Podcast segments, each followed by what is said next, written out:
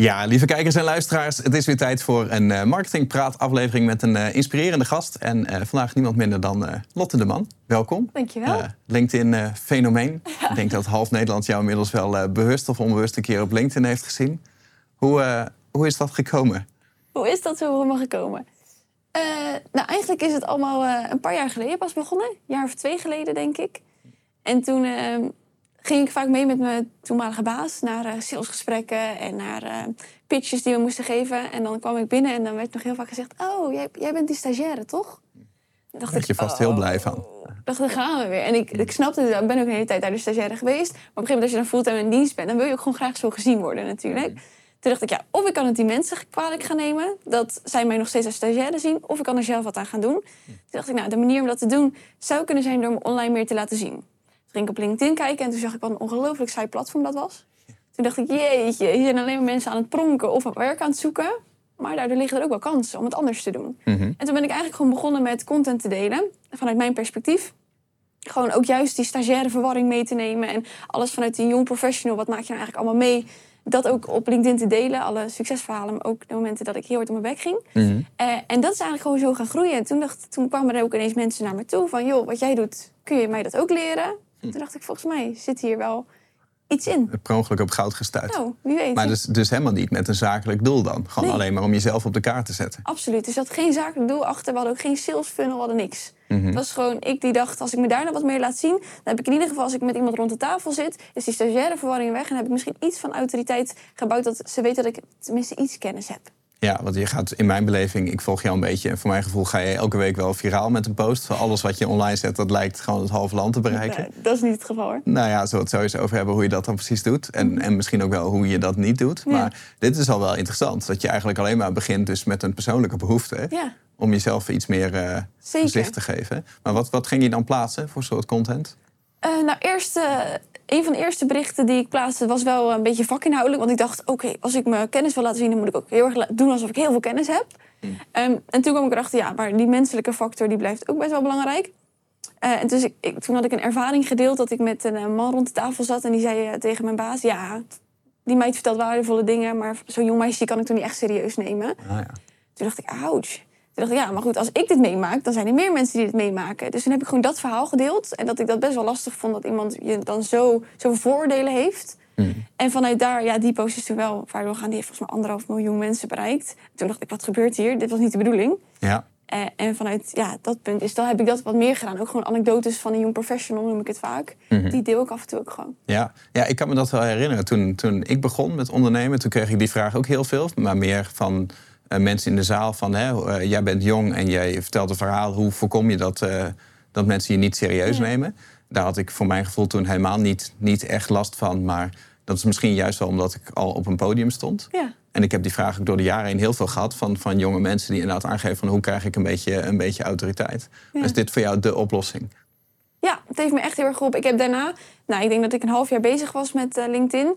En toen merkte ik al dat de meeste mensen met wie ik rond de tafel ging, hadden me al wel opgezocht. Of die waren me al tegengekomen. En ja, toen had ik, die voordelen waren inmiddels al gewoon een beetje weggenomen door wat ze zagen. En toen dacht ze, ah, volgens mij weten ze wel wat ze aan het doen is. Mhm. En ja, dat heeft me echt heel erg geholpen.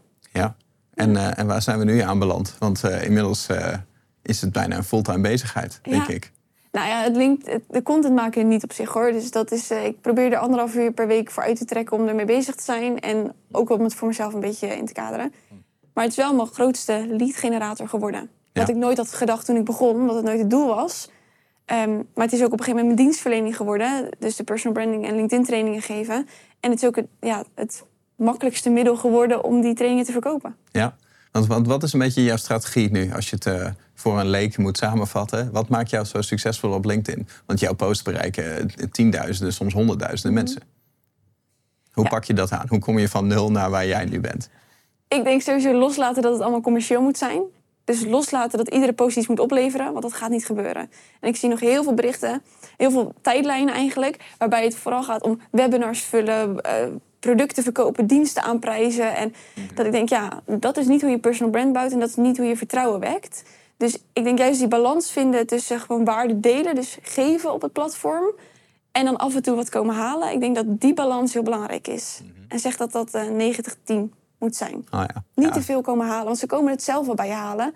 Als jij er niet te veel aan gaat pushen. Ah ja, want dat, dat is voor ondernemers nog wel eens moeilijk, Moeilijk, natuurlijk. ja. Hè, om gewoon 90% alleen maar bezig te zijn met, met delen. Zeker. Want, want je bent natuurlijk het meest geneigd, tenminste ik heb dat zelfs. Dat zodra ik wat te delen heb, wat ik de moeite waard vind om te delen... dan is dat vaak omdat ik een product in de aanbieding heb hè, of een nieuw product heb. Dus dat is wat je als ondernemer interessant vindt. Hè? Of je hebt een blog geschreven en je, je, je behoefte is eigenlijk van... nou, ik, ik gooi dat linkje op, eh, op zo'n Ja. platform... en dan eh, moeten daar maar veel bezoekers uitkomen. Precies. Wat eigenlijk nooit, nooit werkt. Nee, dat is ook niet de strategie. Want LinkedIn blijft een netwerkplatform. En netwerk van mensen. mensen. Als jij op een fysiek netwerkevent binnenloopt, is ook niet het eerste wat je zegt: ik wil mijn boek kopen. Dan doe je ook eerst even een gesprekje met iemand voeren, toch? Ja. En iemand moet het gevoel hebben van: oh, volgens mij eh, weet hij wel waar hij het over heeft. Voordat je dat kan vertellen dat je een boek hebt of een dienstverlening hebt. Dat is op LinkedIn hetzelfde. Alleen dat traject van iemand vertrouwen en die, die autoriteit toekennen, die duurt gewoon iets langer. Dat heb je niet in 10 minuten face-to-face gesprek gedaan. Maar zeg maar, de content die je deelt, hè, dus 90% eigenlijk niet commerciële content, dus het moet waardevol zijn. Mhm. Eh, dat is niet voor elke ondernemer even makkelijk. Dus, dus moet dat over je vak gaan? Of wat voor soort content denk je dan aan? Ja, ik denk dat je, je wilt wel natuurlijk binnen sowieso de zakelijke markt houden. Ik, zie nog heel veel content voorbij komen waar dan heel veel reacties onder staan van ga lekker naar Facebook als het te persoonlijk wordt. Eh, maar ik denk wel dat die menselijke factor in je berichten wel belangrijk blijft. Dus als jij vanuit als ondernemer wil communiceren op LinkedIn, dan kun je het een stuk over je dienstverlening hebben of over welke problemen jouw dienst oplost. Maar aan de andere kant ben je ook nog steeds ondernemer en loop je daar ook tegen dingen aan. Waarom deel je dat niet? Want dat maakt je veel meer een mens in plaats van social media poppetje. Ja, ja want, want voor jou, kijk, wat jij veel deelt, is bijvoorbeeld eh, verhalen uit het leven van een young professional. Of Ja. je maakt vaak filmpjes die ik hilarisch vind, die onderscheid maken tussen de verschillende generaties. Ja. Van hoe reageert een, een boomer op iets, hoe reageert een millennial en hoe reageert een eh, Gen, Gen Z. Gen Z. Dat, Ja, is, dat is nieuw. Dat is de nieuwste generatie. Ben jij, ben jij dat? Ik ben jij? nog net, ja, 24. Oh, dan ben je dan nog net. En Ja. ik ben dan een millennial waarschijnlijk. Oh ja, ja, dus wij reageren al heel anders op dingen. Zeker. Maar dat, dat is content. Als ik dat kijk, dan denk ik: oké, heeft een hoge entertainmentwaarde. Het zit een hoop herkenbaarheid. Ik snap dat mensen dat leuk vinden. Het blijft ook allemaal op LinkedIn. Hè. Er is geen uitgaande link. Nee. Maar in hoeverre helpt jou dat in, in jouw vak? Hè, want jij Ja. zit in marketing, je geeft trainingen. Ja, toevallig dan over LinkedIn.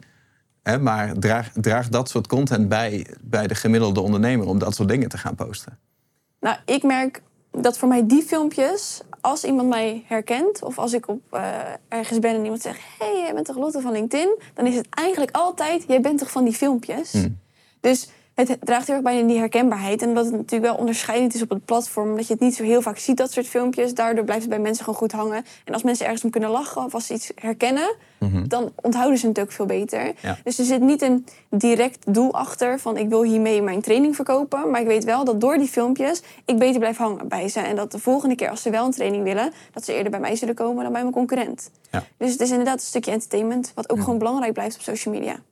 Maar hoe zou je dat bijvoorbeeld vertalen naar van... Hé, jij bent dan een personal branding expert. Dus jij kan dit goed gebruiken in je verhaal van... kijk, ik pak bereik en dat wil ik je- aan jullie leren. Maar stel nou dat je een, ehm, dat je een hoveniersbedrijf hebt. Ja. En je wil LinkedIn gebruiken om aan eh, klanten te komen. Hoe zou, je dit, hoe zou je die strategie daarna doorvertalen? Ik zou een hovenier niet adviseren om op LinkedIn te gaan, denk ik. Oh, dat, is misschien, dat, is misschien het be- dat is misschien het beste antwoord dan. Ja, Ja. want is het echt is het meer, meer eh, business-to-business kant, denk je? Voornamelijk, denk ik. Dus als je een zakelijke dienstverlening hebt die bijvoorbeeld wel voor de consument toepasbaar is, dan is het misschien wel interessant. Maar voor een hovenier, het is meer de mindset waarop iemand op LinkedIn zit. Ik denk dat iemand op LinkedIn niet per se op dat moment behoefte heeft aan een advies over de tuin. Ze zitten wel met een zakelijke gedachte natuurlijk op het platform en zijn ook op zoek naar waarde op dat gebied. Ik weet niet of je als hovenier of als webshop voor oorbellen daar nou je doelgroep gaat vinden. Ik denk dat je dan beter ergens anders kan gaan zoeken. Nou ja. Nou ja, er zit eigenlijk best wel een hoop waarde in dat je misschien niet overal zou moeten willen zijn. Nee, precies. Want jij zit ook alleen op LinkedIn, denk Ja, ik. ja. Want eh, op jouw Instagram plaats je niet die content die je ook op LinkedIn plaatst. Nee, maar LinkedIn is, mijn Instagram is ook privé. Oh ja. dat heb ik ook expres gewoon voor gekozen om dat gewoon apart te houden. En volle focus te hebben op LinkedIn. Want ik kan niet Instagram, TikTok, Snapchat, LinkedIn allemaal met dezelfde kwaliteit leveren. Dat, dat, dat zou een fulltime job worden. Dus om één ding gewoon goed te doen, heb ik gewoon voor LinkedIn gekozen. Omdat Ja. ook daar mijn doelgroep zit. Wat heerlijk. Hoe, hoe, wat, wat klopt er niet in jouw brein dat je dit kan? Want dit lukt bijna niemand. Zo niet? Nou ja, ondernemers willen altijd alles en overal. Overal aanwezig zijn. Ik heb die handicap ook wel. Van, ik kan tegen heel veel mensen zeggen van nou, eh, je moet niet overal gemiddeld in zijn, maar je moet één ding heel goed doen. Maar toch voelt ja, een soort van verliesaversie neemt je over. Want je hebt die content al. Je hebt dat filmpje al. En dan gaat het viraal op LinkedIn. En jij kan je dan inhouden om dat filmpje dan niet ook op Instagram te zetten. Nee, want ik weet dat daar ook de doelgroep dus anders is. En daar zitten ze ook te wachten op andere soort content. Hm. En ik geloof niet dat wat op, op LinkedIn succesvol is, dat ik dat zo zou kunnen dupliceren op alle andere kanalen en dat het daar hetzelfde effect heeft.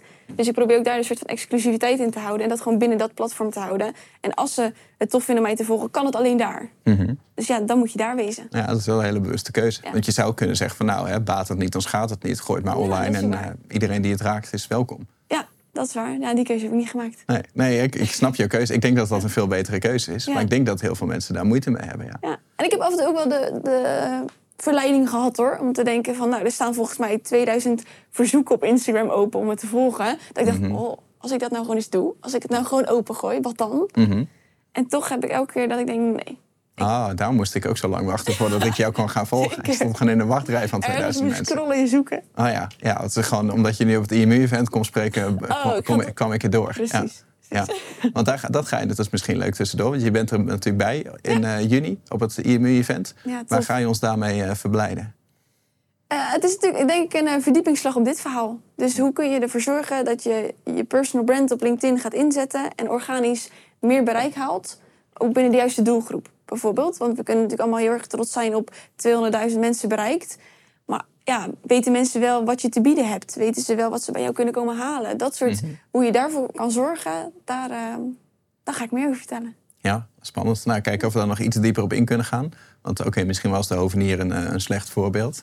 Maar uh, wat is een ander uh, iets? Nou, bijvoorbeeld boekhouder of jurist. Ja, zijn natuurlijk, misschien zeker. past daar beter bij. Zeker. Wat, wat zou je zo iemand adviseren om vanuit het niets een LinkedIn-strategie te gaan bouwen? Nou, ik zou ze niet adviseren om dezelfde soort generatiefilmpjes te maken als ik. Ik mhm. denk dat daar ook de, de branche heel anders is. Ik heb ook wel eens training gegeven voor advocatenkantoren. Mhm. En dat is een andere doelgroep. En die, zitten, die zaten dan wel heel erg in de B2B-kant. Eh, mhm. uh, maar die spelen veel meer in op de problemen die er zijn, of de vraagstukken die er zijn, of de aannames die er zijn. Als je die kan ontkrachten of bevestigen op je LinkedIn, en daar ook al een stukje waarde dus geven. Dus jij hebt me eigenlijk al advies gegeven zonder dat ik daarom gevraagd heb. Maar hey, jij wist dus dat ik dat probleem had. Wauw. Mm Dan ga ik jouw naam eerder onthouden dan die van je concurrenten. Of dan zou ik niet zo snel gaan googlen. Maar dan mhm. weet ik nog dat, oh ja, die Joop mhm. van LinkedIn. Volgens mij zat hij in die branche. Mhm. Dus we gaan, ik ga dan eigenlijk altijd heel erg op zoek naar welke vraagstukken krijg je nu heel erg. Wat voor probleemstukken zijn en hoe kun je die nu oplossen. Ah, ja. En hoe, of hoe kun je er advies over geven. En daar ga je een strategie omheen bouwen op basis van pilaren. Pilaren. Oh ja, ja. oké. Ja, die Hoe bouw je pilaren? Nou, die creëer ik vaak meer om ervoor te zorgen dat bijvoorbeeld een ondernemer niet over honderdduizend en één dingen een verhaal gaat vertellen, mhm. maar zich moet houden binnen die drie pilaren waar hij over praat. Hm. Zodat ik ook gewoon weet waarvoor ik bij jou moet zijn. En als jij alleen maar praat over marketing en ondernemerschap, mhm. en misschien nog wel specifieker, misschien alleen maar over advertising en ondernemerschap, dan is dat waar je over gaat praten. En het feit dat je ook nog hele leuke kinderen thuis hebt zitten, ja, dat past niet binnen je, pilaren. Mm oh, ja. Dus zo probeer ik het heel erg beknopt te houden, zodat we ook voor de, dat we een soort niche kiezen, waardoor het voor je doelgroep ook een stuk duidelijker is. Ja. Ja, dit is wel grappig. Dit, is, dit is, uh, wij hadden het hier net even over dat het ook bij IMU actueel is. Hè, dat wij, uh, als je maar lang genoeg bezig bent. Kijk, vroeger had ik een uh, redelijk beperkt verhaal. Toen ik gewoon mijn online marketing deed, dan leerde ik aan mensen van... nou, eh, ik ben een ondernemer uh, gewoon alleen thuis aan de keukentafel... en ik heb één website en die scoort goed in Google... en ik kan jou leren hoe je precies hetzelfde doet. En het ging alleen maar over goed scoren in Google... Uh, en dan nog specifieker in je eentje zonder grote budget en dat soort dingen. En dat was een heel makkelijk verhaal om te vertellen. En ik kon heel veel haakjes daarvoor vinden om mensen de noodzaak daarvan duidelijk te maken. Maar ja, nu zijn we twaalf jaar verder. Nu leren we mensen ook uh, conversieoptimalisatie en betaalprocessen en affiliate marketing en community building en e-learning. En soms willen we ook nog zelfs wat social media tips geven. ook al kan ik geen social media. Dus, dus je raakt verleid als ondernemer om het over heel veel verschillende dingen te gaan, gaan hebben. Uh, dus ik vind het heel waardevol te zeggen van je moet, het, je moet het binnen je pilaren houden. Maar hoe voorkom jij dan dat je verleid raakt om het over andere dingen te gaan hebben? Ja, ik maak die keuze dus heel duidelijk. Want ik ben uh, in mijn werk ook bezig met het opzetten van marketingstrategie. En daar ben ik heel gepassioneerd over en dat vind ik super tof. Maar mhm. je zal het niet terugzien op mijn LinkedIn. Mhm. En dat is gewoon om die grens heel duidelijk te houden. als je op zoek bent naar een marketingstrategie, kan- kunnen wij je als bedrijf ook helpen. Maar En wij ik als Lotte, Pixel, Pixel X, Pixel X. Ehm, maar ik als Lotte ga je helpen met personal branding. Mhm. En dat is gewoon, ik wil gewoon top of mind zijn bij mijn doelgroep op het gebied van personal branding. En als ik dan ook nog ga vertellen over marketingstrategieën en wat je daar allemaal mee kan bereiken, Mhm. ja, ja, wat verwacht ik dan dat mijn doelgroep voor associaties bij mij heeft? Dan maak ik Mhm. het ze wel heel moeilijk. Ja. Ik wil het zo makkelijk mogelijk maken. ja, maar wordt het voor jezelf niet saai op een gegeven moment? Dat je de behoefte hebt om andere dingen te vertellen? Nee, tot nu toe. eh, ik ben ook nog niet zo lang bezig als jij natuurlijk. Oh, ja, ja. Maar tot nu toe vind ik het nog niet saai. Misschien moeten we ook gewoon over tien jaar dit Nog interview keer nog een keer kijken of je dezelfde. Dat zou mij wel geruststellen. Want jij lijkt zo... Ik, ik kreeg vroeger heel vaak die complimenten. Hoor. Je bent zo gefocust, je bent zo consistent, je laat je zo weinig afleiden. En dan zit ik naar jou te luisteren en ja, het begint bij mij helemaal te jeuken in hoe afgeleid ik ben geraakt. Ja, ik vind het wel knap. Ja, thanks. Maar ja. heb- merk je dat bij, als jij trainingen geeft, dat mensen dit makkelijk overpakken? Ik denk dat het juist de kaders die ik voor ze schets, dat ze dat heel erg, die handvatten juist heel erg aangrijpen. Mhm. Want als ik die kaders schets en ze daarmee help, dus waar kun je wel over schrijven, en dan gaan we ook natuurlijk allemaal op zoek naar onderwerpen, Mhm. dat dat heel erg helpt. Want als ik ze vrijlaat daarin, ja, dan kan je ineens overal gaan zoeken en dan wordt het juist zo complex. Ja. Dus ik denk dat zo'n framework voor ze creëren, dat helpt juist heel erg. Oh ja. Ja. Heb je nog een paar eh, golden nuggets? Ik weet dat het natuurlijk niet zo makkelijk is. Van iedereen wil natuurlijk meer bereiken op zijn LinkedIn-post. Ja. Dus als je iets plaatst, eh, het liefst willen we iets plaatsen zeg maar, met zo min mogelijk moeite. Ik weet al, heel veel ondernemers hebben al moeite om een, Ja. een filmpje te gaan maken. Laat staan zulke video's zoals dat jij maakt. Ja. Dus de meeste mensen willen het liefst alleen maar een linkje spammen. En hopen dat we heel veel bereik krijgen en heel veel likes. Maar eh, stel ervan uitgaande dat we er wel iets voor zouden moeten doen. Ja. Wat, wat kun je doen om je bereik sneller te vergroten of om meer interactie te krijgen op LinkedIn? Nou, laat ik dan beginnen met niet je linkje spammen. LinkedIn, eh, op Hm. Is LinkedIn... niet voor links. LinkedIn. Nou ja, het eh, algoritme beloont native content. Dus content die het platform niet verlaat. Hm. Dus als jij continu alleen maar content aan het plaatsen bent met linkjes erin, waardoor de kans dus groot is dat jouw doelgroep op dat linkje klikt en het platform afgaat, dat is natuurlijk voor LinkedIn helemaal niet zo interessant. Mhm. Dus door dat dus niet zo vaak te doen, eh, zie je al dat je bereik vergroot wordt. Dus ik zo- zorg ook eigenlijk altijd voor dat, nou ja, eens in de drie maanden misschien, dat ik af en toe wel eens een linkje plaats naar de landingspagina van een dienst. Hm. Maar daar blijft het ook echt bij. Nou ja, dus de rest is allemaal gewoon alleen maar tekst, afbeeldingen, video's op LinkedIn. Precies. En dat is waarschijnlijk waarom, de, waarom je steeds meer mensen ziet met een aankondiging en dan in de eerste comment plaatsen ze dan de link. Ja, maar het algoritme wordt steeds slimmer. Ja. Dus je ziet ook dat. Ja. En ik zorg gewoon, want het linkje staat wel in mijn samenvatting op mijn pagina. Nou, en als je op een gegeven moment ziet dat natuurlijk de profielbezoeken heel erg groeien. Ik heb gemiddeld inmiddels 12.000 profielbezoeken. Die mensen vinden dat linkje echt wel als ze interesse hebben. Die mensen die sturen me anders wel een privéberichtje als ze interesse hebben in het product. Daar is dat linkje in het bericht niet voor nodig. Nou, heb je dan op je profiel wel een specifieke link gewoon Ja. neergezet met een call to action van Ja. hier wil je ze hebben? Oké, Ja. dus niet gewoon alleen maar eh, hier werk ik en dit is de website van het bedrijf. Nee, nee, dus ook in de omslagfoto heb ik ook altijd een call to action staan. Hm. Dus dat zou nu bijvoorbeeld een nieuwe link zijn naar de IMU-website Ja. bijvoorbeeld. Belangrijke call to action. Zeker, zeker. Ja. Dus dat zou ik dan altijd doen. Dus omslagfoto is natuurlijk het eerste wat ze zien. Dus daar plaats ik dan een call to action in met de verwijzing naar de info, de samenvatting. En daar staat dan de link met wat ze daar kunnen verwachten. Ah ja. Nou, Dus op die manier kun je het een beetje omzeilen. Dat je gewoon eigenlijk geband wordt door LinkedIn. Omdat ze het Mhm. gevoel hebben dat je al hun eh, bezoekers eh, het platform afwerkt. Ja, nou ja, een andere truc zie je er steeds vaker voorbij komen. Is bijvoorbeeld, hè, ik heb een, eh, een nieuw gratis weggeven, bijvoorbeeld een e-book. Of ik, heb een, ik heb een product in de aanbieding, laten we dat noemen. Normaal gesproken zou ik zeggen, oh, mijn, mijn cursus is deze week in de aanbieding. Dus ik ga nu een linkje op LinkedIn zetten met hier kun je de korting claimen. Nou, dat werkt natuurlijk niet zo. Dus wat je nu vaak ziet, is wat ik dan zou doen, is bijvoorbeeld zeggen: Nou, ik heb eh, een tof aanbod. Heb je interesse? Reageer even op deze post, dan stuur ik je een DM. Wat, wat vind jij daarvan? Want die zie je steeds vaker voorbij komen. Dan moet je wel natuurlijk honderden Ja. mensen gaan DM'en. Maar dan is- heb je wel één op één contact. Maar dat is het voornamelijk wat ik mooi eraan vind, inderdaad. Dat je wel op die manier ook het het één op één contact krijgt in de chat. Dat geeft je ook de ruimte om misschien nog iets dieper in te gaan. Soms dan, ik heb het ook een keer gedaan, dan bekeek ik even het profiel. Dan zag ik daar iets waarvan ik alvast een heel gepersonaliseerde tip over kon geven. Van joh, ik zie dat je dit en dit doet. Dit zou je anders kunnen doen. Hmm. Ja, je ziet dat je dan op die manier veel meer verbinding aangaat met de doelgroep. Hmm. Totdat op een gegeven moment ziet dat je, dat je 700 reacties hebt. En dan denk je, jeetje, waar ben ik aan begonnen? Ja, klopt. Dus ja. ja. die balans moet je vinden. Of je moet misschien stagiaires hebben die je kunnen helpen. Ehm, maar dat is wel een pittige strategie als je, als je als ondernemer al niet zo heel veel tijd hebt. Mhm. Dan is dat wel eh, veel gevraagd. Nou ja, maar je, je zou natuurlijk kunnen, kunnen zeggen, hè, als jij startende bent of als je heel erg behoefte hebt aan gewoon meer klanten, En dit is je platform. Ja, investeer Ja, die tijd daar ja, dan ook. Je kan beter 700 keer een één op één connectie Absoluut. maken dan proberen om 700.000 mensen te bereiken die je bericht allemaal niet zien. Ja. Of dat je 700.000 mensen had bereikt waarvan er misschien 700 mensen geconfronteerd zijn uiteindelijk. Alleen, ik kan me ook voorstellen dat LinkedIn op een gegeven moment dit soort technieken gaat doorzien en dat dit bijvoorbeeld niet meer werkt. Dat je niet meer mag oproepen tot reageren even en dat er overal. Je ziet heel vaak bijvoorbeeld reageren even met een specifiek woord. Oh, ja. Dus reageer met yes en dan eh, ga ik jou. Dan, dan heb je dus 200 keer yes onder Ja. post staan. Ik kan me voorstellen Kan dat LinkedIn dat gaat zien. Ja, ik denk niet dat het, het is. Het algoritme heeft denk ik nu nog niet onder de knie. Mm. Maar ik kan me ook voorstellen. Ik zou dat ook niet zo snel doen. Ik zou wel altijd vragen om daadwerkelijk een inhoudelijke interactie. Ik vind dat veel interessanter dan dat iemand reageert yes. Dat Mhm. is hetzelfde als dat je heel veel reacties vaak hebt op het feit dat je, dat je jarig bent. Dat je allemaal hebt gefeliciteerd, gefeliciteerd. Het is natuurlijk niks waard. Mhm. Nee. Niemand gaat het onthouden. Je hebt geen gesprek met iemand. Mhm. En ook vaak zie je onderaan een post zo'n vraag... drink jij liever koffie of thee? Mhm. ja, ja, je gaat er niks uithalen. Het is niet boeiend. Je gaat er geen gesprekken, geen discussies op gang brengen. Mhm. Dat zijn allemaal die, die oppervlakkige interactietrucjes... Mhm. die ik niet zo heel interessant vind. Ja, want ook dat zie je natuurlijk meer. Hè. Je ziet eh, meer de poll-functie. Ja. Eh, of de wat slimmere ondernemer zegt dan van ik doe het met emojis. Hè. Dus vier Ja. antwoorden van... eh, bijvoorbeeld in coronatijd hebben we dat heel veel Ja. gezien. Van hè, hoe vaak werk jij thuis? En dan doe een duimpje één dag, eh, doe een geweldig twee dagen. En ik snap de techniek wel. We hebben dat vroeger op Facebook hebben we dat ook heel veel gedaan. Daar krijg je een enorme eh, bereik mee. Ja.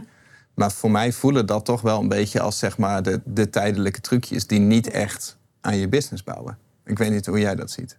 Ik kan me voorstellen dat het er wel misschien voor zorgt... dat je bij nieuwe mensen voor het eerst op een tijdlijn komt... en voor het eerst ja, dat ze met jou in aanraking komen. Dat zou interessant kunnen zijn. Ik weet niet hoe erg je onthouden wordt door zo'n post. Dus dan moet je er wel voor zorgen dat je daarna heel frequent en consistent aanwezig bent. Wil je ervoor zorgen dat iemand ook een soort van waarde aan jou toekent? Mhm. Dat gaat niet zo zijn door middel van zo'n post. Geef ze een duimpje of een eh, applausje. Mhm. Ehm, maar ik kan, snap wel waar het vandaan komt. Mhm. Dat je op die manier wel een nieuwe doelgroep kan bereiken op een iets simpelere manier. Maar als jij het zou doen, dan zou het onderdeel zijn van de vele posts die je plaatst. Precies, het is nooit één post op zich en, zich en dat ik dan drie weken later pas weer wat plaats. Ja, dan is het nutteloos geweest. En Is dat sowieso? Als je drie weken niks van je laat horen, mis je dan bereik? Ja, moet je het weer terugvechten. Ja? Ja. Dat gaat wel zo snel. Zeker. Ik merk ook als ik op eh, twee weken op vakantie ga, dan probeer ik ergens in die twee weken nog wel één berichtje te hebben geplaatst. Vaak vraag ik een collega om dat misschien voor mij te plaatsen. Omdat ik gewoon weet dat het echt weer even terugvechten is als ik dan daarna weer ga posten. Nou ja. Dus ja, die consistentie wordt gewoon heel erg beloond door het algoritme. En ja, je ziet dus ook gelijk het resultaat. Als je dat dus niet doet, dan krijg je gelijk een tik in je gezicht. Want, want hoe vaak post jij ongeveer nu? Ik probeer twee keer in de week te posten. En, en waar haal je al die onderwerpen dan vandaan? Wat is jouw proces? Ja, ik hou gewoon heel veel uit gesprekken die ik bijvoorbeeld zo voer. Of ik gaf vorige week een gastcollege op de Hogeschool Rotterdam. En daar hou ik dan best wel inspiratie uit. Want vragen die studenten stellen vind ik dan wel weer heel interessant. En die probeer ik ook altijd meteen te noteren. Als weer contentonderwerpjes. Eh, ja, en ook het, het vakgebied ontwikkelt heel erg. Het platform ontwikkelt. En daar probeer ik ook gewoon in mee te gaan. En ik probeer gewoon hele mini-onderwerpjes te pakken. Dus dit gesprek is niet één post. Dit zouden meerdere posts kunnen zijn. En Oh ja. op die manier probeer ik het ook wel voor mezelf iets makkelijker te maken. Ja, oké. Dus je haalt er ook kleine stukjes uit. Allemaal splinters. Oh ja. Ja, je kan gewoon heel goed omgaan met die angst voor verlies. Dat je gewoon vijf toffe dingen te melden hebt... en dat je daar dan vijf posts van maakt... in plaats van dat je het allemaal meteen eruit gooit. Ja, Ja, zeker. ja, dat is echt een skill die ik, van- die ik van je wil leren. Ja. Ja, maar je weet dat het op de lange termijn je meer gaat opleveren. Ja, ja, dat is zeker waar. Maar lange termijn doelstellingen leiden nog wel eens tot korte termijn frustraties. Dat is zeker waar. Dat Ja, klopt. Ja. Ja. Heb, je, nog- heb je nog een laatste afsluitende gouden tip? Voor eh, het vergroten van je LinkedIn-bereik? Of twee of drie, mag ook. Nou, ik denk eentje die ik heel mooi vind... wat de meeste ondernemers, als we het daar voornamelijk even over hebben... heel erg sturen. Die sturen heel erg op eh, eh, deel. Deel deze, dit bericht eventjes. Dus ze plaatsen een bericht op de bedrijfspagina... dan sturen ze een bericht naar alle medewerkers. Er staat weer een bericht online. Zouden jullie allemaal willen delen? Mhm. Delen is echt nutteloos. Het is echt zo zonde van de moeite die je medewerkers erin stoppen. Laat ze dan liken of reageren. Want dat is, wordt veel beter beloond door het algoritme dan een deel.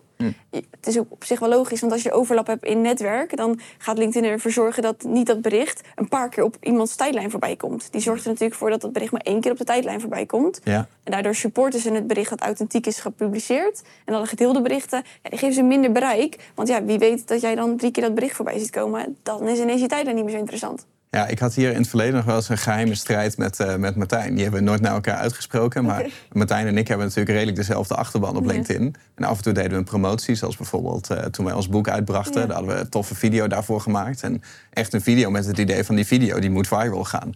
En dan was het echt gewoon nadat die video beschikbaar was... dan was het echt haasten naar je LinkedIn om hem snel te gaan uploaden. Want wij merkten gewoon elke keer als wij dezelfde post plaatsten op dezelfde dag, dan was degene die als eerste was, ook al was je maar een minuut eerder, die ging viral. En de andere kreeg gewoon helemaal niks. Kreeg gewoon nul, nul aan bereik. En uh, er was heel vaak dat ik echt zoiets voorbij zag komen. En dan ging naar LinkedIn en dan wist ik al van Martijn is me al voor geweest. Die heeft het nu al geplaatst. En dan kun je beter even wachten. Ja. Dan kun je beter zeggen ik plaats het over een paar dagen. Want dan gaat het, gaat het veel meer doen dan dat je het direct erachteraan gaat plaatsen. Oh ja, verliesaversie. Ja. Ja. ik snap het. Ja, ja. ja oké. En je was net, toen ik net vroeg, uh, meerdere tips. Volgens mij zat je aan nog eentje te denken. Tenminste, ik. Dat idee had ik. Ehm, ik zei inderdaad delen. Nou, dat is misschien niet een meest praktische tip, maar wel iets wat de meeste ondernemers nog niet doen of misschien ook niet durven. Mhm. En dat is dat die menselijke kant op LinkedIn laten zien. Dat is denk ik mijn grootste succesfactor geweest. Mhm. Dus als ik alleen maar had gepraat over praktische LinkedIn-tips delen, alleen maar zeggen: ja, je mag niet delen, oh, je moet hashtags gebruiken. Geloof ik niet dat ik had opgebouwd wat ik nu heb opgebouwd. Mhm. Ik denk ook dat juist mensen een soort van sympathie voor jou als mens gaan creëren. Want er zijn nog honderdduizend anderen die dezelfde tips delen als dat ik deel. Mhm. Maar doordat ze ook een soort van verbinding maken met jou als mens... en jou gewoon tof vinden en je tone of voice leuk vinden... en de verhalen die je vertelt, daar kunnen ze zich in herkennen... Ja. dan trekken ze toch meer naar jou toe dan naar je concurrent... die alleen maar vertelt dat je niet mag delen. Ja. Dus ik vind die menselijke factor en ook juist het falen delen... en het echte verhaal laten zien en niet alleen maar de successen die je hebt... dat maakt voor mij echt dat LinkedIn... Ja, dat dat ook een plek is waar ik echt kan verbinden met mensen. Mhm. En dat het niet alleen maar social media profieltjes zijn die tegen elkaar aan het opboksen zijn. Ik heb een project binnengehaald en ik heb nog meer successen. Mm. Ja. Ja, want daar heb je inderdaad niet heel veel aan. Terwijl dat was in het verleden, was, was LinkedIn natuurlijk wel een, een zakelijk platform. In de zin van uh, op zoek naar een baan of baan aanbieden. Het ging allemaal over je carrière. Heel veel posts die je voorbij ziet komen gaan natuurlijk ook nog daarover. Van ik heb een nieuwe baan of ik ben afgestudeerd. Ja ik heb ook wel eens kritiek gekregen als ik iets op LinkedIn plaatste wat daar dan niet hoorde. Bijvoorbeeld mijn uh, fitness challenge. Dan zeiden mensen, ja, volgen je marketingtips, hoeven niet je blote bovenlijf te zien. Nou ja, op, op, Instagram vonden mensen dat dan weer geen, geen probleem. Maar ging Pam die poster doorheen op LinkedIn met je blote bovenlichaam? Ja, ja, ja. Zou dat nu niet meer komen? Nou, het verschil tussen mannen en vrouwen is nogal groot. Oh. Dat is wel heel grappig. Ik had ook een post geplaatst en ik had gewoon een jurkje met alleen blote armen. Dus hm. verder gewoon alleen blote armen. En die post werd maar elke keer in de spam gegooid. En ik denk, oh. hoe kan dat nou? Hm. Opnieuw plaatsen, opnieuw plaatsen, opnieuw plaatsen. Toen heb ik een Photoshop met rode stift door mijn arm heen gekrast. Oh. En die foto nog een keer geplaatst en toen ging die ging het viral. Oh, wat raar. Oh ja, dan is het algoritme daar dan wel slim genoeg voor. Ja, ja, nee, mijn fitnessfoto had nog wel, wel redelijk wat bereik, ja. ja. Maar niet zoveel als op Instagram. Nee, nee, dat snap ik, ja. Nee, of misschien door alle haat in de comments ging het ook viraal. Dat, nou ja, negatieve reacties en ook reacties. Dat ziet LinkedIn niet. Ja. Want maar dan is, er is best wel een verschil dan nog natuurlijk of je op je persoonlijke profiel post of op een bedrijfspagina. Ja. Heb je daar een uh, visie op? En nou, niet alleen een visie. Het is, een bedrijfsprofiel is er nooit voor gemaakt om bereik te halen. Om heel erg uh, om viral te gaan bijvoorbeeld. Je ziet vaak dat de berichten op een bedrijfsprofiel rond de 3% bereik halen. Ten opzichte van een persoonlijk profiel die buiten je eigen netwerk kunnen treden. En soms 80% en meer bereik halen. Oh van je aantal volgers. Oh. Ehm, dus dat bedrijfsprofiel is daar nooit voor bedoeld. Het is altijd een profiel geweest waar je als persoon, als medewerker aan kan koppelen, zodat ik een kijkje achter de schermen kan krijgen en wat achtergrondinformatie kan vinden. Alle berichten die daar geplaatst worden, je ziet ook altijd dat het best wel tegenvalt. Mhm. Tenzij je een enorme following hebt, een Coca-Cola bijvoorbeeld, ja, die heeft inmiddels wel de strepen verdiend. Mhm. Ehm, dus ik vind het ook altijd heel erg zonde dat er zoveel tijd wordt geïnvesteerd in dat bedrijfsprofiel. En dat er en soms medewerkers op zitten die 20 uur per week besteden aan daar content plaatsen. Mm. Dus ik denk, ja, als je die tijd nou eens had gestoken in het plaatsen op persoonlijke profielen, ja, dan hadden we, had je nu heel ergens anders gestaan. Ja. Ja, dat is wel interessant. We hebben die vraag wel vaak gekregen. Wij merken het ook. De IME bedrijfsprofiel heeft bijna geen bereik. En maar dat je dacht, dat zou je ook kunnen wijten aan het feit dat we daar nooit interactie hebben en daar ook niks hebben, hebben opgebouwd. Maar dat is in social media natuurlijk wel vaak. Hè? Dat, dat, bedrijf, dat merken het gewoon niet zo heel goed doen als, nee. uh, als personen. En dat is ook logisch. Ja, LinkedIn blijft een netwerk toe. En netwerken doe je van mens tot mens. Mhm. Daar heeft een bedrijfsprofiel niks mee te maken. Dus het is fijn dat die profielen er zijn. Maar die zijn er niet voor bedoeld om bereik te halen en interactie te halen. Ja. Ah, dat is interessant. Nou, die pakken we dan nog even mee. Ja, precies. Nou, vond ik eigenlijk best wel een mooie afsluitende tip. Waren er nog uh, vragen die je heel erg had gehoopt dat ik die aan je zou stellen? Nee, je hebt het hartstikke goed gedaan. Oh, Allemaal goede vragen. Dankjewel. Ja, ik vond het echt heel interessant. Sowieso, ik kijk echt naar uit naar het IMU-event natuurlijk... om jouw eh, Ja, jouw ook. talk daar te gaan horen. Ja, leuk. En eh, ja, ik, ik, ik weet meteen weer verliesaversie... dat ik meer op, op LinkedIn moet gaan doen. Zeker weten, Maar, moet je eh, doen. Ja, maar ja, ik doe eigenlijk al te veel. Dus ik Ja, ga ook jouw advies een beetje volgen. Meer focussen, minder dingen doen. Terug naar de kern. Mooi. Lotte, dankjewel. Dankjewel.